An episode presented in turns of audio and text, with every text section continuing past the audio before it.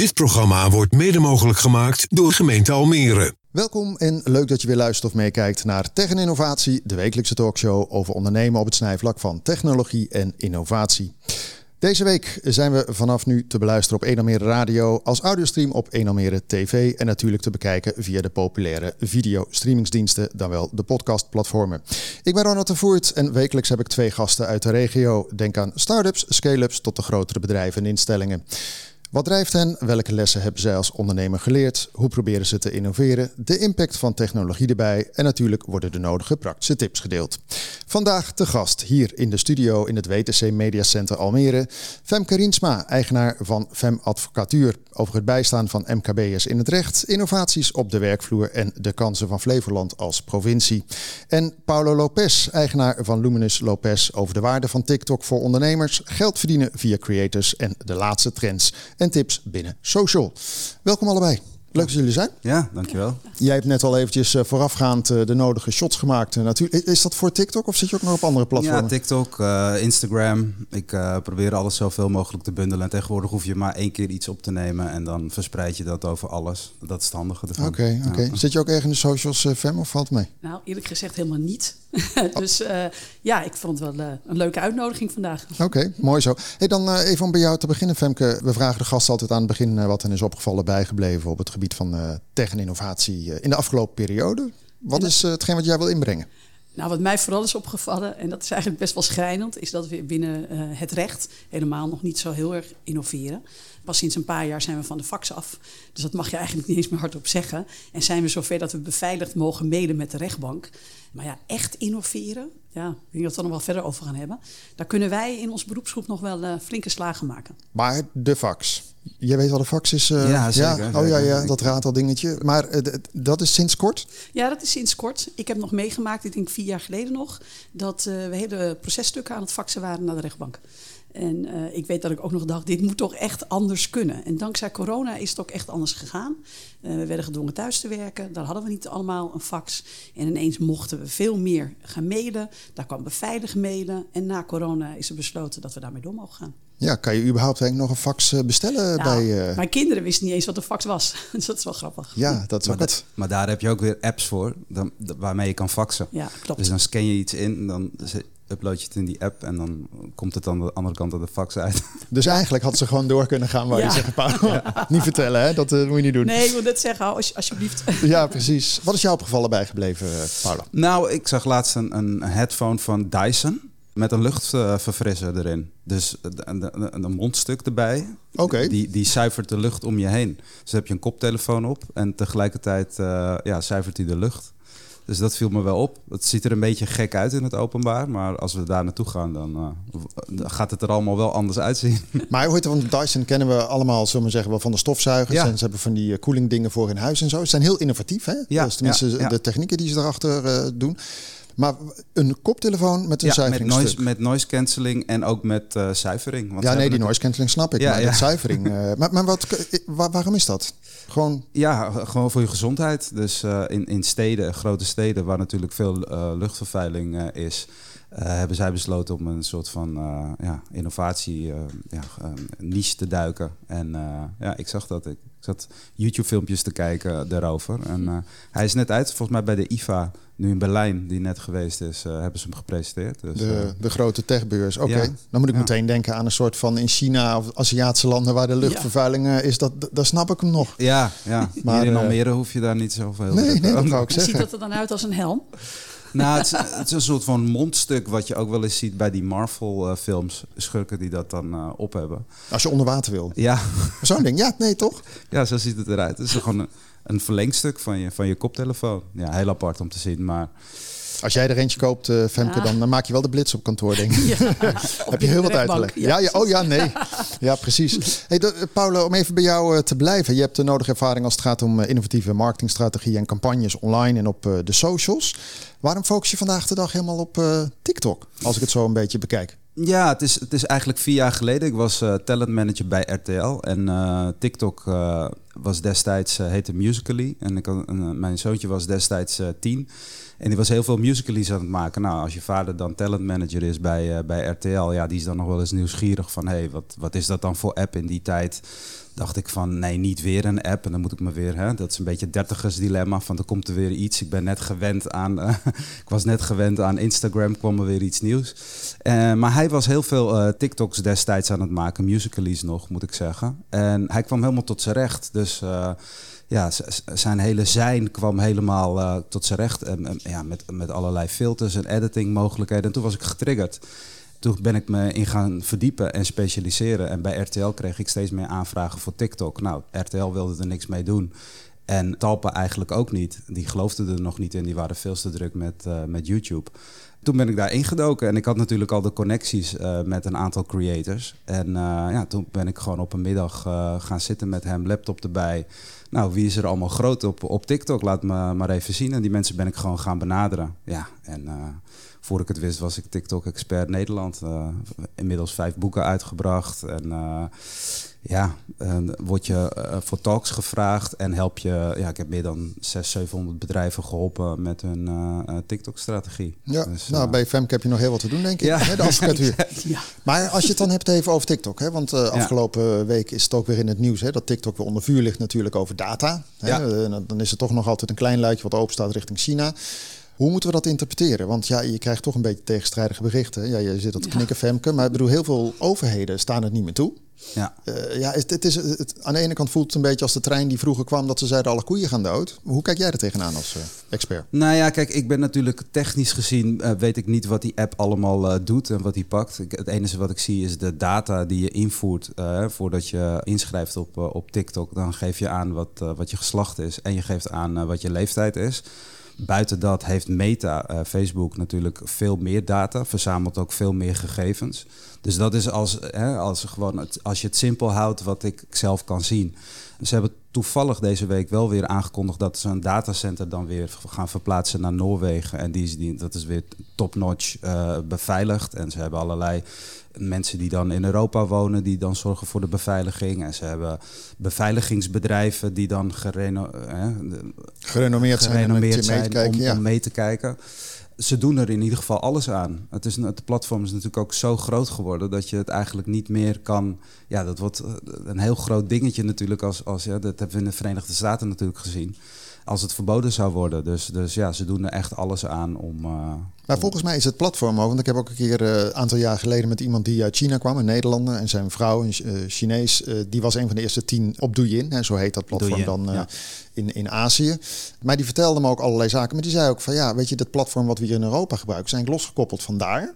Ja. En ze hadden in, in Berlijn geloof ik toen al anderhalfduizend man zitten, mind you, die meekeken of alles wat er gebeurde wel goed was. Toen dacht ik, nou, dat is best serieus. Ja. Maar goed, ja, je hebt altijd nog een lijntje natuurlijk naar China, want ja, daar zit het hoofdkantoor. Ja. Maar als je dan even teruggaat naar, naar TikTok. Hè, want ik, ik heb ook wel eens begrepen dat als, eh, stel je voor, Femke, die gaat hier aan de slag met TikTok. En die doet dat op de fiets. Dan krijg je gewoon minpunten op uh, TikTok uh, en wordt je filmpje minder goed gedeeld. Of als je iets promotioneels gaat zeggen. Is, is dat nog steeds zo? Nou, het algoritme verandert steeds. En de, wel heel streng, omdat inderdaad, je hebt softwarematig gaat eroverheen. Dus je uploadt een video, dan is er software die gaat kijken of er een, uh, niet een mes in beeld komt. Of dat je erin gescholden wordt of dat soort zaken. En dan wordt er nog met het oog gekeken. Dus er, er zitten een aantal ja, supervisors die, die kijken echt met het oog naar de video van nou kan dit in Nederland wel. En, en, een video wat in Nederland heel onschuldig is, wordt in Pakistan bijvoorbeeld afgekeurd. Dus dat verschilt ook per land. Dus, dus elk land heeft ook uh, wat strengere, strenger beleid of, of minder streng beleid. Dus dat varieert heel erg en, en het algoritme verandert wel, wel eens. En ze hebben natuurlijk, omdat ze met een vergrootglas, omdat er met een vergrootglas naar, naar ze gekeken wordt, ja, hebben ze ook besloten op zeg maar de accounts onder de 16, die staan op privé, dus die zijn niet openbaar. Ze hebben enorm veel ma maatregelen genomen. Dat is natuurlijk allemaal in hun eigen belang, maar dat doen ze gewoon uh, van alles uh, aan. Nou, ik weet nog wel dat mijn uh, oudste dochter, die nu 15 is, 13 was, die zat gewoon op TikTok. Hè? Papa ja. had een account. Dus ja, in, in, in die zin kan je het omzeilen natuurlijk, maar dat is overal. Ja, dat is overal en dat is met alles. Dat is natuurlijk ook altijd met uh, als je uh, op een uh, B-merk website gaat, dan moet je ook zeggen dat je 18 bent, anders kan je niet door. Ja, daar kan ja. je natuurlijk ook makkelijk om mijn, mijn kids hadden ook al op dag 1 dat ze leefden een Gmail-account. Kan ook niet volgens Google, maar toch. Hè? Dat, ja, ja. Maar even terug ook naar, ehm, want wat ik ook heel frappant vond, wat ik destijds vernam. Kijk, wij hebben het allemaal over TikTok. Kan je nog andere platformen, Femcom, noemen die soortgelijke TikTok-achtige dingen zijn? Uh, nee, maar ik moet je ook eerlijk bekennen dat ik me echt helemaal niet in die wereld begeef. Als jurist kijk ik er veel mee tegenaan van wat doet dat met de privacy en de gegevens op straat en hoe wordt er mee omgegaan. Maar hoe, want daar kom ik zo even op. Maar, maar, want waar ik naartoe wilde, want in China is dit slechts een van de zoveel platformen, begreep ik. Hè? Je hebt een stuk of nou, 10, ja, 20. Ja, En dan heb je het niet over, dan heb je het gewoon over 400, 500 miljoen gebruikers. Hè? In China hebben ze gewoon TikTok 1, TikTok 2, maar dan van andere firma's, toch? Ja, ja, ja, ja, klopt. Is dat bizar? Ja, en editing uh, apps. Dus uh, bijvoorbeeld, dat vind ik heel boeiend. Een on, boeiende ontwikkeling. Nou, denk jij ook, omdat je ook af en toe dingen moet editen. Het wordt steeds makkelijker om te editen. Je hoeft alleen maar een paar beelden te maken. En als je kijkt naar templates, dat, is, dat zijn um, ja, voorgemaakte uh, ja, uh, voorbeelden van hoe je een filmpje dan uiteindelijk eruit kan zien. Hoef je alleen maar te, te, weten en naar die template te kijken van, oh, ik moet op deze manier moet ik het filmen.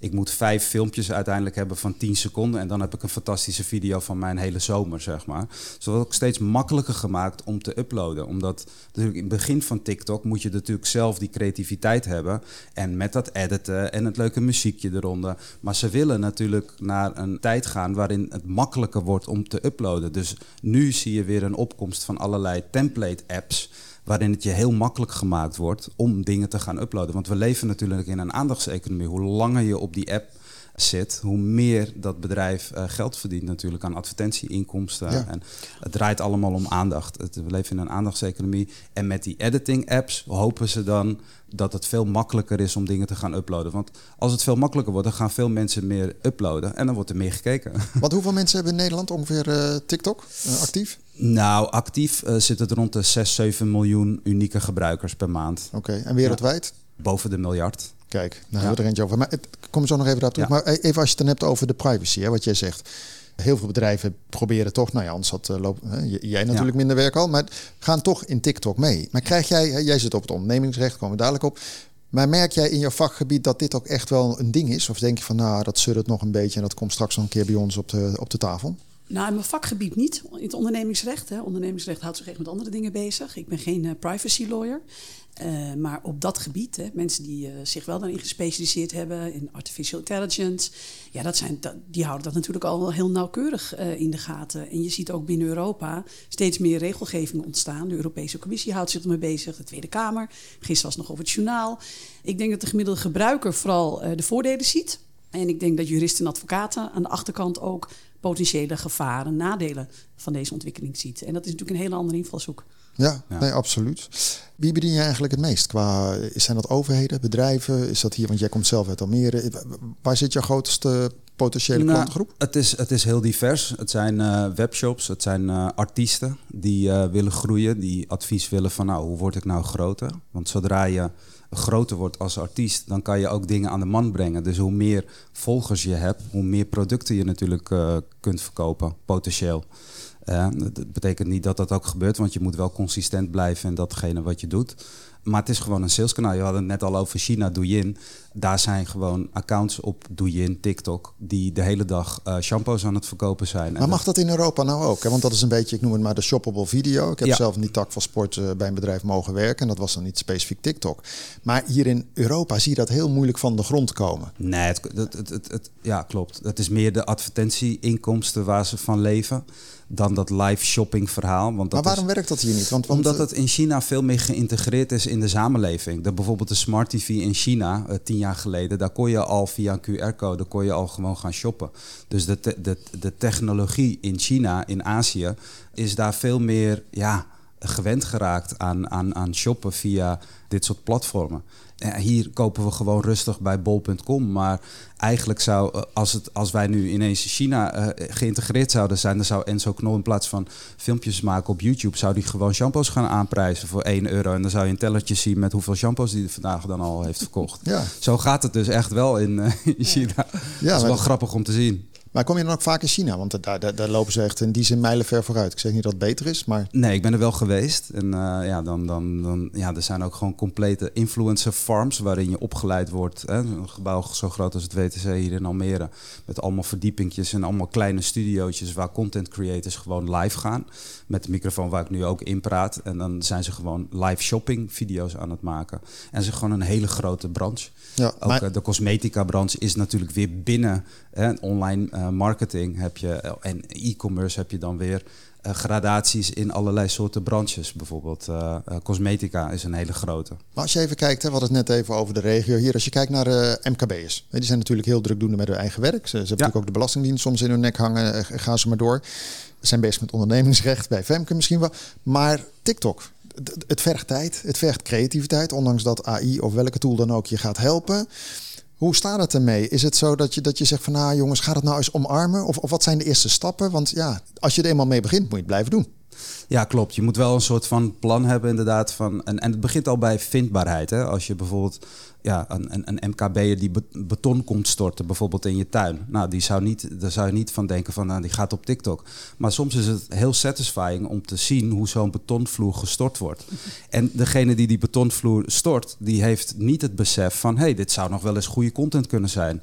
Want die maakt een beetje belachelijk van, ja, ik ben toch geen influencer, moet ik de hele tijd zo met mijn telefoon lopen. Dus dat zijn gewoon, ja, dat zijn gewoon jongens uit de bouw en die zijn gewoon nuchter. Die staan heel vroeg op en die werken heel hard. En die komen een betonvloertje storten, maar niet met het besef. Hè? Dat hebben ze namelijk bij mij gedaan. Dat ik, toen ze bij mij in de tuin dat kwamen doen, zei ik van nou, besef even dat heel veel mensen het leuk vinden om dit te zien. Want het is ja, hoe, hoe, hoe dat beton zich dan verspreidt over dat oppervlakte. En daar kan je hele mooie edits van maken.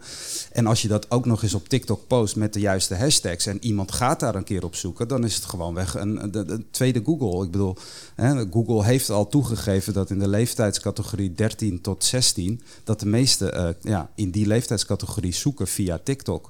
Nou, dan wil je dus gewoon gevonden worden op bijvoorbeeld dat betonstorten. Dus als wij vandaag een video maken eh, en gebruiken de, eh, de hashtag betonstorten, ja, dan is de kans best groot dat we met dat filmpje al bovenaan komen, omdat die betonstorters dat niet doen. Maar dan moet je dus eigenlijk, want dat is wel grappig wat je zegt. Hè? Je, ja goed, beton storten, waar hebben we het over? Ja, waar hebben we het over? klep open. Ja. Maar eh, als je een aantal tips mag geven aan MKB's, want ik kan me voorstellen, de- de- het platform is, is, is groeiende, je, het algoritmes veranderen. Volgens mij word je ook niet, eh groei je ook niet per se vanwege de likes, maar vanwege je vindbaarheid of de interactiviteit, hè, toch? Ja, het gaat, het gaat om veel meer dan het, toxische model van Instagram, van Meta. Dat het gaat, eh, hè, dus er wordt gewoon heel veel content geüpload op, dat, op Meta. Eh, maar heel veel content wordt on- ondergesneeuwd door allerlei ads. Dus er wordt al zoveel geüpload. Omdat een plaatje heb je snel geüpload. Maar een TikTok maken, dat vergt wel wat meer tijd, zeg maar. Dus er wordt minder geüpload, net als op LinkedIn.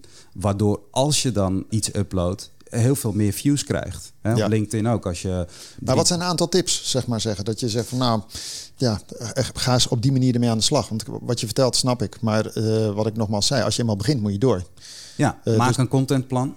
Dus op maandag eh, ga je bedenken wat je gaat eh, filmen. Op dinsdag ga je het filmen. En op woensdag ga je het posten. En dan neem je de zoekwoorden waarop je gevonden wil worden, die je ook bijvoorbeeld gebruikt op AdWords. Want dat weet inmiddels elke MKB'er wel hoe die gevonden moet worden op TikTok. En doe dat dan bijvoorbeeld in de longtail. Dus een betonstorter Almere bijvoorbeeld. Nou, die wil gevonden worden op betonstorter Almere. Is minder zoekvolume op. Maar als iemand dan gaat zoeken op een betonstorter in Almere, dan word je wel gevonden. En als je daar een, hoeft niet eens een heel groot video, een, een hele lang videootje te zijn. Als het een, een paar video's zijn met de hashtag betonstorten Almere, dan, dan word je daar al op gevonden. En dan heb je in je link in je bio heb je een linkje naar je, naar je website. Ja, en dan heb je toch wel weer een, een gratis eh, klantje erbij. Zeg Maar moet je niet, manier. eh, wat je ziet, hè, je zegt net Instagram, hè, dat, dat soort platformen. Er zijn ook heel veel partijen die daartussen gaan zitten. En die koppelen dan de creator aan een bedrijf. Ja, dat doe ik ook. Eh, dat doe je ook. Ja, Maar voor mij, eh, het is nog relatief nieuw. Het- Dan is het wel heel erg, eh, kan het lucratief worden. Als je gewoon een platform hebt eh, dat Femke denkt, hè, we gaan ook eens wat doen eh, op TikTok. Eh eens even kijken hoe we dat slimst kunnen doen. Want ja, zij kent geen creators. Ik schud ze ook niet allemaal uit de. Eh, daar ben ik ook iets, iets ouder voor, zal ik maar zeggen. ja. Is dat- is- ook? Hoezo ook? Ik er. Nee, maar bedoel, nee, maar jij kent ze niet, zeg je al. En, en bedoel, ik, ik, ik ben niet de doelgroep meer. Ik Bedoel, ik zie mijn kids erop zitten en dan denk ik, ja, go- goed, het zal. Ik kijk eerder naar de content, dat ik denk, wat kijken ze dan? Maar is dat niet een, een, een, een hoek wat, wat voor jou waanzinnig interessant is als je daarin zou stappen? Ja, maar dat is al wat ik doe. Hè. Dus ik doe niet alleen eh, bedrijven helpen met het maken van de juiste content, maar ook koppelen indien dat gewenst is. Een beetje afhankelijk van wat, eh, wat ze willen. Maar koppelen aan de juiste creator die de juiste content video kan maken. Dus het is niet altijd noodzakelijk dat een bedrijf zelf aan de slag gaat. Als ze zeggen van nou, daar heb ik helemaal geen zin in. Nou, dan ga ik eh, op zoek naar een creator die dat heel goed eh, kan, kan uitbeelden. Dus ik zou mijn cliënt aan jou door kunnen sturen. Ja, Als ik denk, wat een prachtig bedrijf heb jij en wat timmer je weinig aan de weg. Uh, Ja. Moeten ze voor mij voor dit soort Nou. inhoudelijke vragen niet zijn, maar dan kan ik ze doorverwijzen. Maar stel je nou voor, advocatuur. Eh, Jij had net betonstorten. Nou, dan wil ik wel. Heb je, heb je eentje wat oppopt voor advocatuur? Ik zit met te denken, je kunt een fax laten zien, maar goed, die zijn net afgeschaft. maar, maar wat eh, heb jij dat Nee, soort... maar binnen, binnen de advocatuur heb je natuurlijk ook gewoon verschillende specialisaties. Af en toe heb je, een, eh, heb je niet altijd een strafrecht, maar je hebt eh, van allerlei soorten rechten heb je een advocaat nodig. Ja, dan, dan weet je soms door het bomen weet je ook het bos, zie het bos niet meer van, van wat moet ik nou eigenlijk voor eh, soort advocaat eh, hebben. En dus gewoon eigenlijk gewoon als de, de zoekmachine Google, met zo'n blik kijk je dan ook van nou, dan gaan we nu vandaag gaan we deze content opnemen zodat we een autoriteit worden binnen datgene wat we doen. Want dat is uiteindelijk wat je wil. Je wil ge- gevonden worden met content waar je in gespecialiseerd bent. En dat mensen, als ze gaan zoeken, dat ze je dan vinden. Wat ik wel grappig vind, want ik vind zelf als ik naar advocatenkantoren kijk die dan eh, op die manier proberen zichzelf te profileren, kom je al snel dat ze kennis gaan delen. En ik geloof er niet in dat de gemiddelde burger of ondernemer of leek op het juridisch vlak eh, zit te wachten op een soort van platgeslagen college eh, over hoe het recht in elkaar zit. Dus als ik zelf als advocaat naar dergelijke content kijk, denk ik weer een advocaat die weer met zijn kennis te koop loopt. Ja. En ik snap het, want we kunnen moeilijk tikkend achter een computer gaan zitten. In de rechtbank mogen we niet filmen. Onze cliënten niet in beeld, mogen we ook niet delen, want we hebben geheimhouding. Dus we hebben best wel wat beperkingen binnen de advocatuur wat we kunnen delen. En dat wat we mogen delen is onze kennis. Maar hoe interessant is dat nou voor de gemiddelde leek? Ja, als je het simpel houdt, dus je, hè, je vertaalt het naar een soort van simpelheid of straattaal bij wijze van spreken, Ja. dan wordt het eh, voor de normale man eh, wordt het behapbaarder en dan, dan wordt het wel interessanter, zeg maar, om dat vak ook gewoon. eh, Ik ga daar nog eens over nadenken. Nog één laatste vraag aan Ja. jou, eh Paolo. Want nou ja, TikTok, helemaal hip en happening. Eh, is er een nieuw platform wat eh, aanstaande is waar we over een jaar heel veel over kletsen? Nou, je hebt natuurlijk Be Real.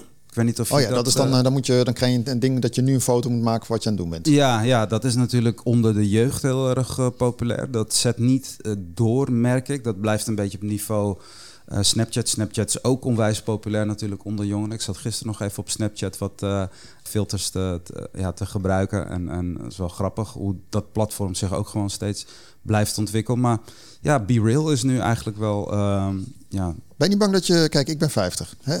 Op een dag ben je ook 50. ja, Eh, ja, dan, dan zit je iets verder van de doelgroep misschien af. Hoe hou je dan nog een beetje up and running met het hele geweer? Nou, het is een kwestie van gewoon bijblijven. En ik vind het ook hartstikke leuk. Hè? Dus die innovaties, dat zit er gewoon in. Het houdt je ook gewoon jong door met jonge mensen te blijven werken. En ja, het, het kind in mij schreeuwt daarom. Dus die vindt dat gewoon hartstikke leuk. Dus eh, ik, ik, zolang ik het nog eh, zo leuk vind, dan blijf ik het gewoon doen en, en volgen. Ja, hartstikke top. Nou, Femke, je hebt al het een en ander verteld natuurlijk. Hè? Je hebt je eigen advocatenkantoor, gericht op eh, ondernemingsrecht, zoals ik al eerder zei. Kan je even duiden waar we het dan over hebben? Ja, dan moet je denken aan eh, ondernemers die allerlei problemen hebben op het gebied van verbintenissenrecht.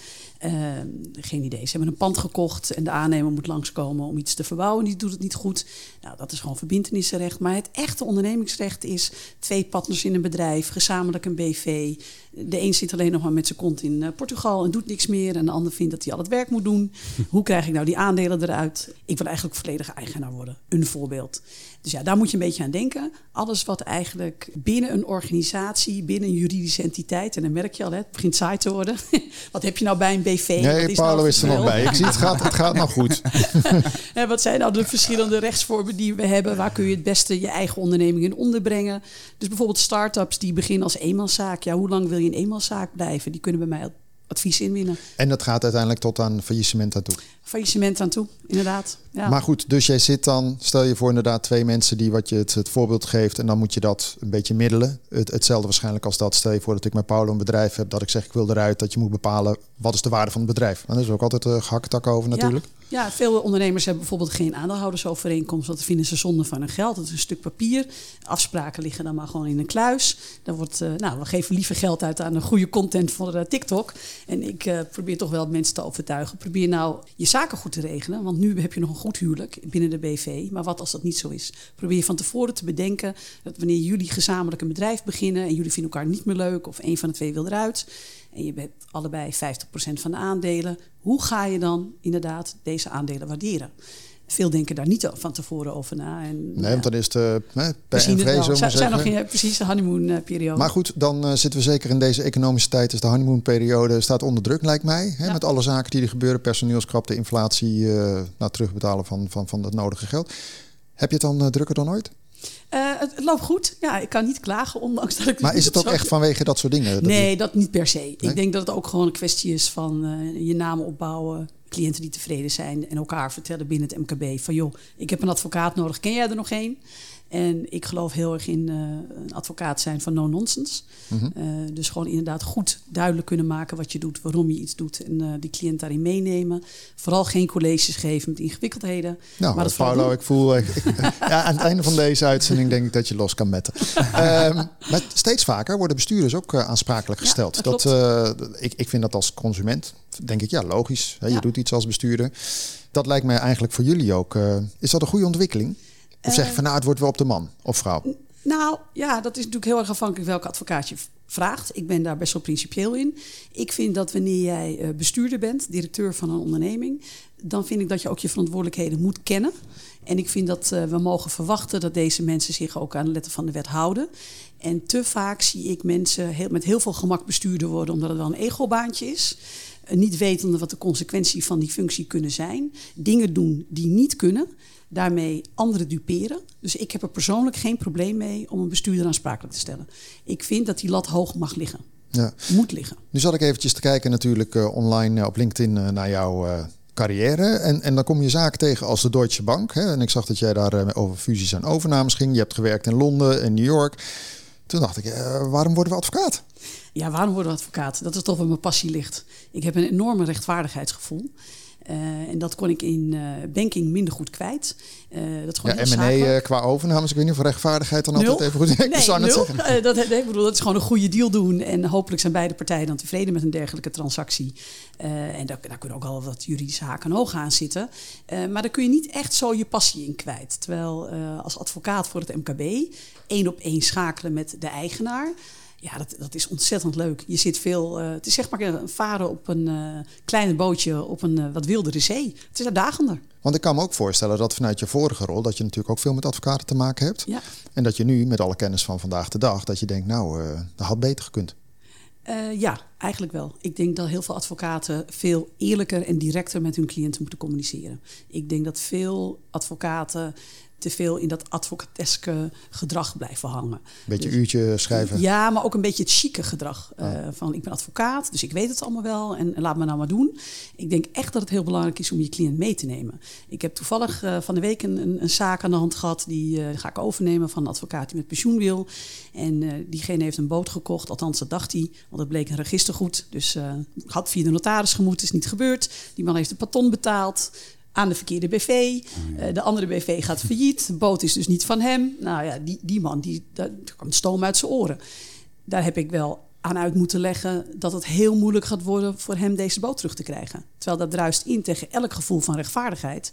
Maar als een boot toch echt nog in de vierde boedel valt van een BV en hij hem echt niet gekocht heeft, ja, dan zul je zo'n cliënt heel duidelijk moeten maken dat je wel kunt procederen, maar dat de kans dat je dat gaat halen klein zijn. En veel advocaten doen dat niet. En ik denk dat dat beter kan. Nu uiteindelijk, want jij, jij woont zelf in Lelystad, ja. maar je hebt kantoor volgens mij in Amsterdam, Klopt. de Zuidas neem ik ja, dan aan. Olympisch Stadion. Ja. ja, dan zit je wel meteen weer in dat uh, spectrum dat ik denk, ja, de Zuidas, nou, dan loop je precies tussen de mensen waar je het net over hebt. Ja, en dan ben ik dus een hele vreemde eend in de bijt. En daardoor doe ik het heel goed. Oh, dat is grappig. nou, ik zie ook meteen films, vreemde eend de bijt, maar goed. je hebt zo'n eentjeswinkel in Amsterdam ook, zeg maar. Uh, maar goed, maar daar zit je dan wel. Is dat wel een voorwaarde om dan een beetje serieus genomen te worden als advocaat? Um. Ik weet niet of dat een voorwaarde is. Ik merk wel dat het voor mijn cliënteel helpt als je blijkbaar in staat bent in je eentje daar staan te blijven en houden. Dan moet je toch iets goed doen. als, uh, als ik het bij wijze van spreken vanuit de keukentafel zou doen, dan kunnen mensen erover twijfelen. God, dat het jou lukt om daar te zitten en, en, en dat te doen, uh, dan doe jij dus iets goed. Ja, ik denk dat het toch ook een beetje marketing is. Ja. nu heb ik eerder een, uh, in, in dit programma ook uh, nou, een start-up woord viel net al eventjes, maar een bedrijf gehad wat hier uit de regio kwam. Bluetick heet het geloof ik. En die gingen processtukken doorakkeren. En dan hoefde jij niet uh, nou ja, zelf op zoek naar het woord TikTok, maar dan hè, werden alles de passages eruit gehaald. Of... Toen dacht ik, oh dat is wel handig. Maar hij vertelde toen dat de advocatuur eigenlijk helemaal niet op zat te wachten, want dat scheelde tijd. Ja. Maar dat scheelt dus ook facturen. Hoe staat het daarmee dan? Want de fax is dan weg. Ja, de fax maar hoe doe je dit dan? Want dit zijn toch ook allemaal uh, bakken vol met... Uh, nou ja, als ik op tv wel eens zie hoeveel, hoeveel uh, dode bomen jullie uit tas trekken. Ja, er wordt heel veel geschreven. Ik denk dat dat nog een kwestie van vertrouwen is.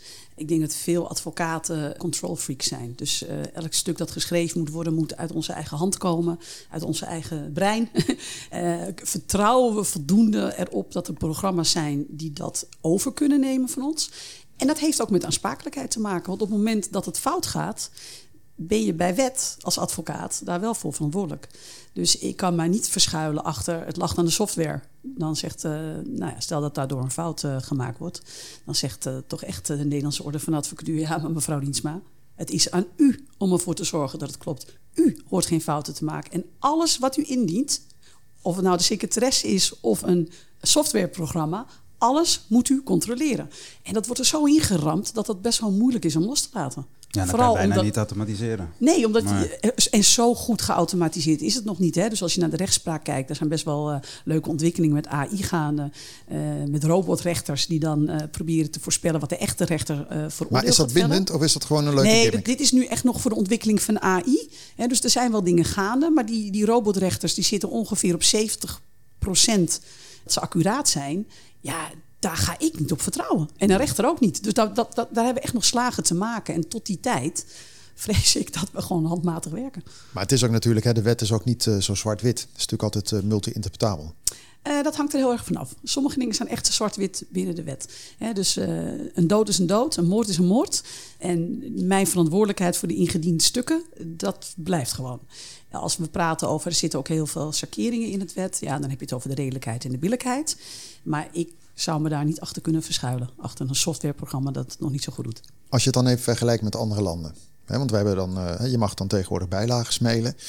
Zijn kan grappig, hè? Ik bedoel dat je, dat je denkt, oké. Okay, Wauw, hè? Ja. ja. precies. We gaan terug in de tijd. Ja. Maar hoe doen andere landen het dan? Lopen wij voor? Nou, we doen het gemiddeld. Ik ben getrouwd met een Duitse man, dus ik krijg ook wel het een en ander mee. Ik heb toen een tijd in Duitsland gewoond.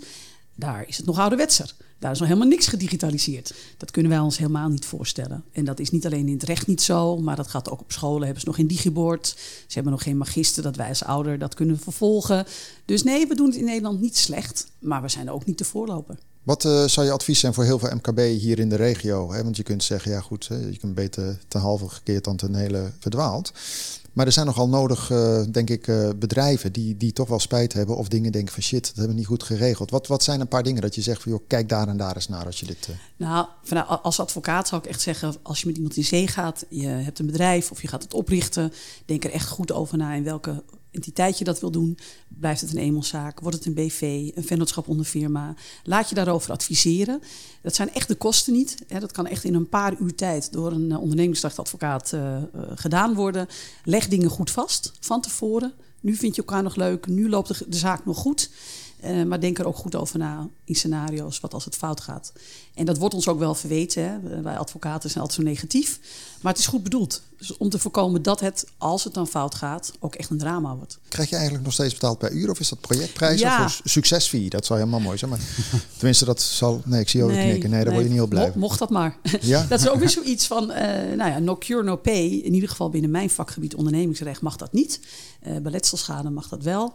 Uh, het mag gewoon niet van de Nederlandse orde. Het is bij wet verboden dat ik bij wijze van spreken tegen een van jullie zeg: joh, als ik hier in zaken kom bij mij en als ik het win en er komt een leuk geldbedrag uit, is ook de helft voor mij en de helft voor jou of 10% of voor mij. Hè? Als het 10.000 keer geliked is, dan ja. uh, krijg korting. dus, of, uh... Ja, dan, dan, zegt, nee, dan zegt de wet dus aan nee, op die manier mogen we dat niet doen, want dan wordt jouw onafhankelijkheid komt in het geding. Jij raakt persoonlijk betrokken bij het financieel belang van de cliënt. Uh, dus uh, ja, je gaat misschien wel heel erg veel beter je werk doen dan anders. Uh, je gaat misschien meer risico's aan tijdens de procedure, want jij wil die poet binnenhalen. Ja. Dus ja, als zou je willen, ook dan word je weer teruggefloten. Ja, het, is, het is heel actueel, want uh, de mensen met wie ik werk, die worden soms in hele korte tijd heel rijk. Omdat ze dan op, op TikTok uh, een goed product hebben. Of, Gewoon in de komen, waan van de dag natuurlijk. Ja, het is een beetje in de waan van de dag. Er komen natuurlijk ook steeds meer miljonairs bij, zeg maar. Het is natuurlijk veel makkelijker. Vroeger op, uh, op het schoolplein, ja, verhandelden wel eens misschien een cd'tje of zo. En tegenwoordig hebben ze gewoon webshops als ze 16 ja. zijn. En kunnen ze al heel snel heel rijk worden.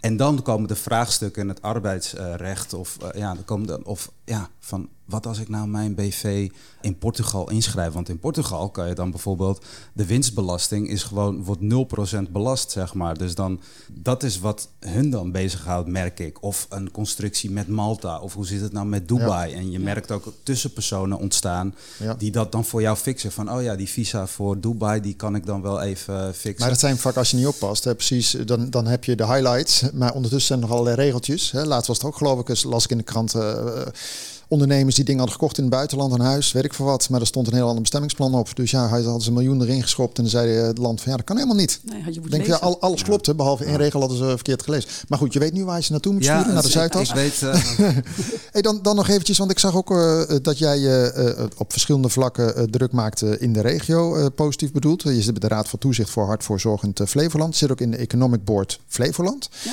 Even over deze laatste. Wat doet dat?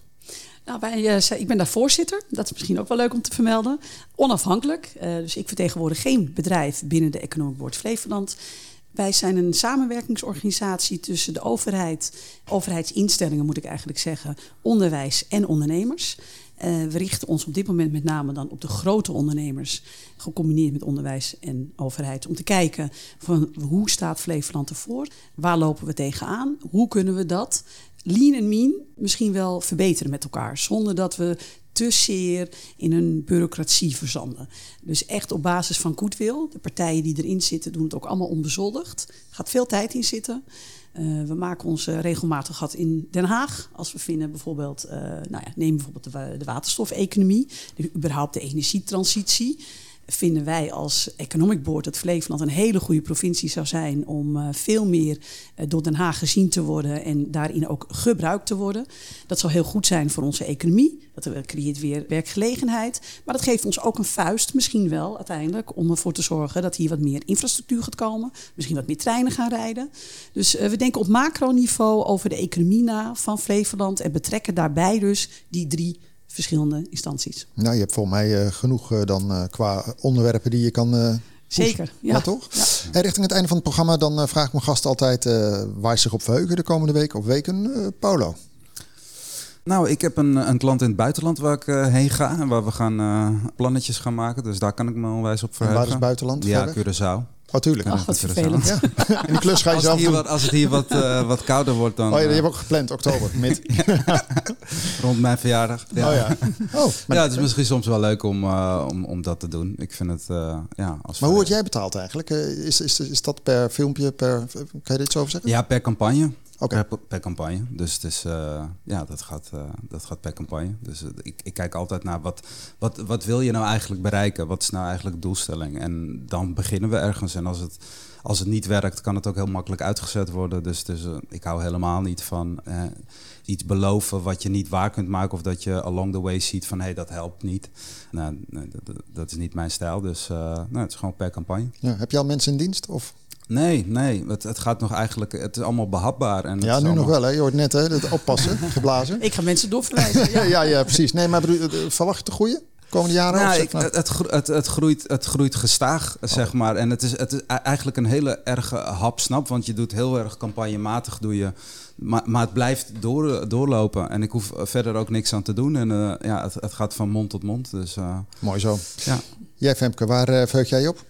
Ik ga binnenkort eh, naar Oxford. En dan ga ik eh, een paar dagen opgesloten worden in de universiteit. En eh, me verder verdiepen in het ondernemingsrecht. En dan komen allemaal judges. En eh, we krijgen dan mooie lezingen van eh nou ja, vooraanstaande professoren. Dus ik ga nog even lekker met mijn vakgebied aan de slag. Ja, je kan ook even TikTokjes maken. Ja, dat heeft Ja, Paulo zo. eh. Altijd content maken. Ja, altijd precies, ja. Gewoon blurren die handel, klaar is Kees. Ik dank jullie hartelijk. Femke Riensma, eigenaar van Fem Advocatuur en Paulo Lopez, eigenaar van Luminus Lopez. Hartelijk dank. Leuk Dankjewel. dat jullie waren. Ja, dank, dank voor de insights.